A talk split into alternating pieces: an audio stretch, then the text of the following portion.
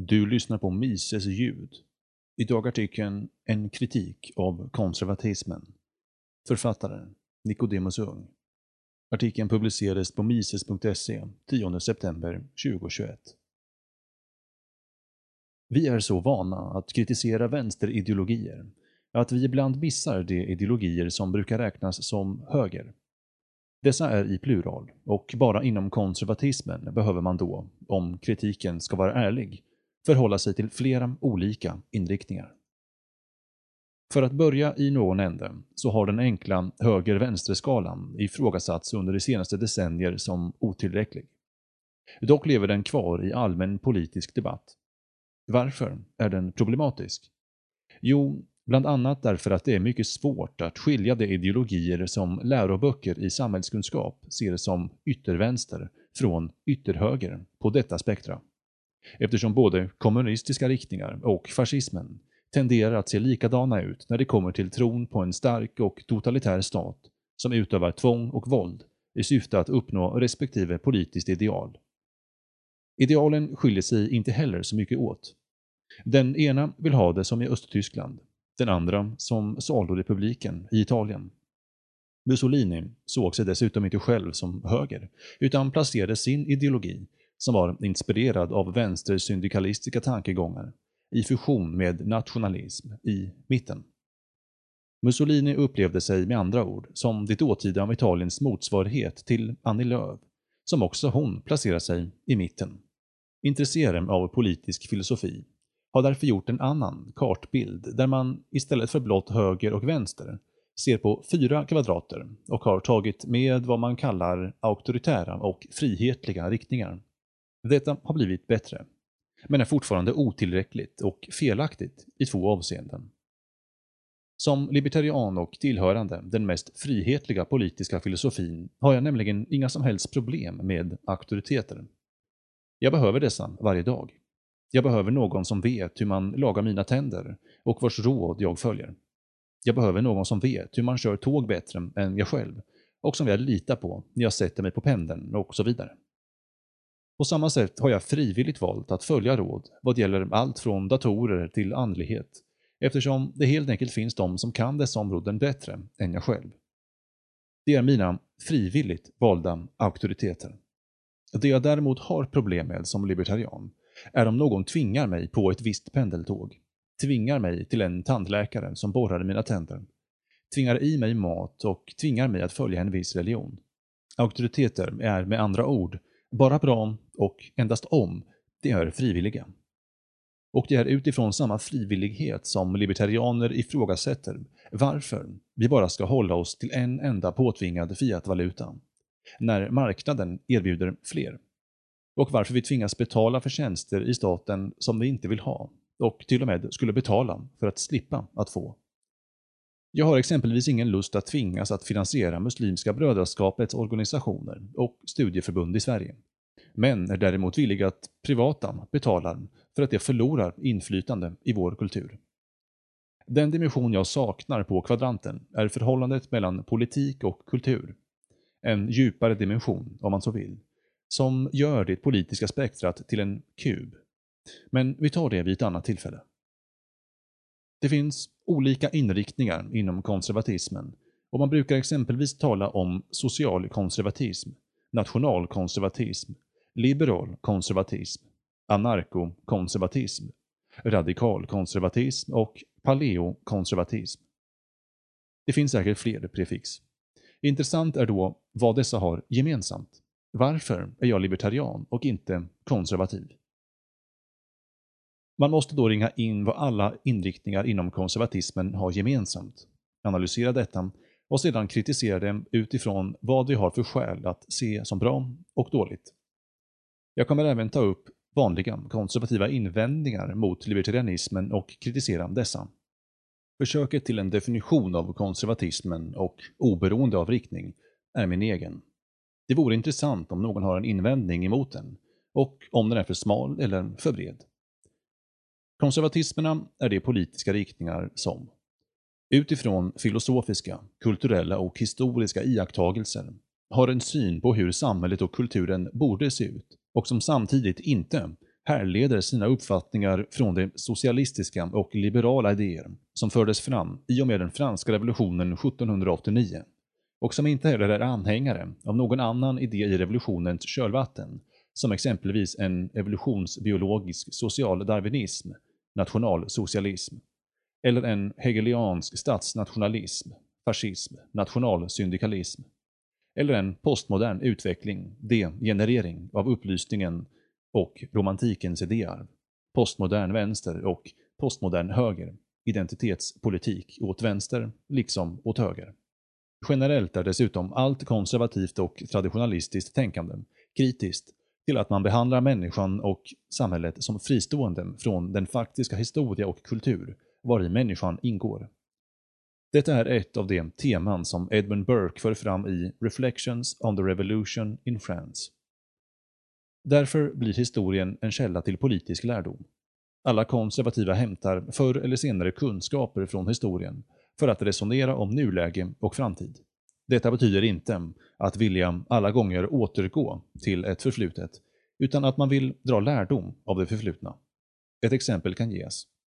Där en socialist eller en liberal resonerar kring individers rättigheter ser en konservativ inte enbart på individer med lika rätt, utan vill även förstå vilken grupp individerna tillhör, vad de har för religion och kultur och härleder kunskaper från historien om hur individer med dessa religioner och kulturer fungerat i relation till andra grupper och samhällen.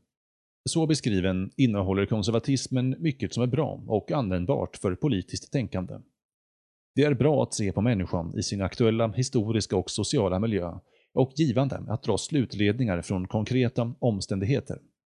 Min kritik rör inte detta, utan snarare vad konservatismen inte är och hur den bemöter problem politiskt. Vad konservatismerna och oberoende av inriktning inte är, är koherenta och konsistenta moraliska teorier om när våld och tvång får användas och varför. Ingen konservativ åskådning gör reda för frågan om tvång och våld eller skiljer auktoriteter från tvång och våld. Konservativa brukar därför inte heller ha en gräns för hur stor staten kan bli. Socialkonservativa inom Sverigedemokraterna i Sverige idag behöver exempelvis inte lägga ner en enda statlig institution. De vill må hända göra om innehållet i flera institutioner, men de är till sist lika tvångsbenägna som de de kritiserar. Om skillnader finns med avseende på tvång är det inte grundande på en konsekvent teori. Om en sådan finns vill jag gärna veta hur den ser på tvång och våld, eftersom staten per definition är ett våldsmonopol som utövas på en region över tid. Problemet med konservatismen är därför inte att man söker lärdomar från historien eller värdesätter sin dåtid, sin familj, kyrkan, monarkin eller något liknande. Problemet är att man inte har en konsekvent moralisk syn på vilka tvångsmedel som får användas. Flera av dessa värden har dessutom vuxit fram i frihet från en stat, som många konservativa ser som medel för att uppnå samma värden idag. Ett exempel som belyser skillnaden är synen på homosexuella äktenskap. Konservativa brukar kritisera homosexualitet och homosexuella äktenskap. De brukar mena att äktenskapet och sexuella relationer borde vara mellan en man och en kvinna. En libertarian kan å sin sida ha vilken syn på homosexualitet som han eller hon vill, då detta inte ses som en politisk fråga, eller som en fråga som bör leda till lagstiftning. Libertarianen kan både dela den konservativa uppfattningen om att homosexuella äktenskap är fel, men libertarianen kan också anse att homosexuella äktenskap är rätt, till och med mer rätt än heterosexuella äktenskap. Där en socialist skulle lösa frågan om homosexuella partnerskap och äktenskap genom att ge dem lika erkännande i staten och tvinga religioner att viga homosexuella par, skulle en konservativ göra en juridisk åtskillnad mellan heterosexuella relationer och homosexuella diton och förbjuda exempelvis Svenska kyrkan från att viga homosexuella. En libertarian tänker å sin sida. Sexualitet angår inte överheten överhuvudtaget. Och det är inte fråga om våld och tvång mot exempelvis barn eller våldtäkt. Och om en religion eller grupp vill viga homosexuella, så får de göra det. Och om andra inte vill detta, så får ingen tvinga dem heller. Analogt får en bagare specialisera sig på bröllopstårtor för homosexuella par, medan en annan bagare tolereras när han eller hon bara bakar bröllopstårtor åt heterosexuella. Marknaden löser problemet och människor får helt enkelt acceptera att man värderar olika. Ett annat exempel är från Kanada och Jordan P. Petersons kritik av en lagstiftning som tvingar vissa yrkeskategorier att använda vissa personliga pronomen. Här har vi följande kombination. Kulturradikaler vill i sann totalitär anda påtvinga människor ett språkbruk. Man gjorde detsamma i kommunistiska stater under 1900-talet. Konservativa vill inte detta, men kanske sviktar på frågan om staten borde ha ett finger med i andra frågor som rör språket. Att exempelvis bevara vissa gamla ord i en statssanktionerad utgåva av en ordbok. Libertarianer menar att staten alltid begår övergrepp om den försöker styra, övervaka och kontrollera hur språket används och att det är fel att använda tvångsmonopolet för att reglera hur individer kommunicerar. Konservativa brukar därtill göra vissa fel när de kritiserar libertarianismen. Ett sådant fel är anklagelsen om att libertarianer har en atomistisk människosyn. Faktum är att libertarianismen, i alla fall austrolibertarianismen, inte har en filosofisk antropologi eller människosyn överhuvudtaget. Det vi däremot vänder oss emot är den så kallade statsindividualismen som har uppstått i vår stat där människor är beroende av sin relation med staten via myndigheter och därigenom har blivit oberoende av andra relationer i civilsamhället. I ett mer frihetligt samhälle ökar individens beroende av fungerande relationer i civilsamhället. Konservativa brukar även kritisera libertarianismen för vad de ser som en egoistisk moralfilosofi. Detta stämmer inte på all libertariansk filosofi, och i synnerhet inte på austrolibertarianismen, den stämmer på Ayn Rand och objektivismen och vissa andra grupper, men inte på oss andra. Faktum är att Ayn Rand använder samma syn på kapitalisten som marxisten, men drar motsatta slutsatser av detta. Austrolibertarianismen ser nämligen inte själviskhet som något människan bör eftersträva.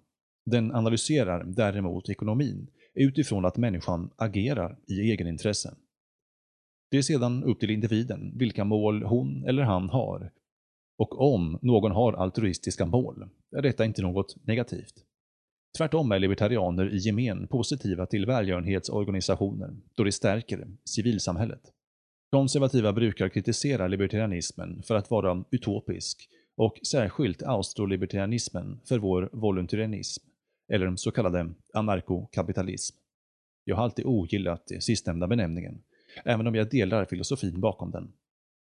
Det är givetvis trevligt att slippa lobotomerad vänsterliberal kritik, som ser allt motstånd mot demokratin som diktatur. Men lite jobbigt när konservativa tror att vi försvarar ett utopiskt ideal. Det gör vi inte. Vi säger nämligen endast det här. Rättvist om alla respekterade icke-aggressionsprincipen och icke-bedrägeri som grund för alla mellanmänskliga relationer och detta oberoende av vilket samhälle som blir resultatet av denna rättvisesyn. Vi målar därför inte upp ett perfektionistiskt samhällsideal och vi tror oss inte ha lösningen på alla problem. Faktum är att vissa, exempelvis politiker, kan få det sämre i ett frihetligt samhälle jämfört med idag, men att detta samhälle ändå är eftersträvansvärt. Konservativa brukar även beskylla libertarianer för att tillåta omoral genom att lämna allting fritt. Vi libertarianer är ju för legalisering av prostitution, legalisering av substanser, legalisering av vapen och att människor får leva efter sin egen filosofi som mycket väl kan vara otrevlig i andras ögon. Självklart stämmer detta. Men det finns en skillnad här som många konservativa inte vill kännas vid.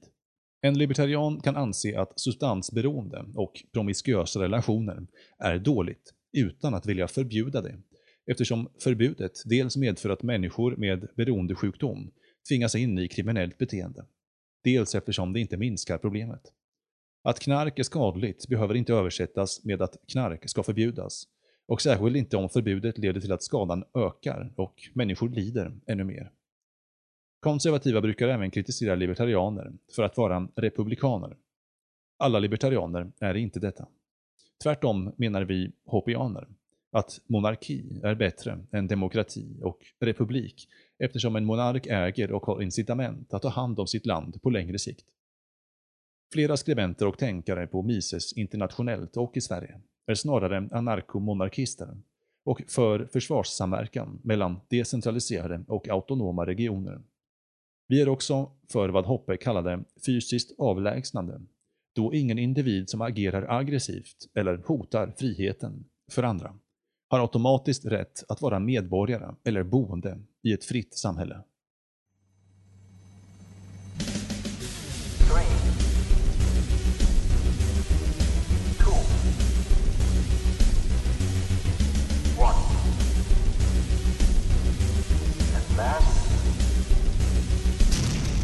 Don't put your trust in politics.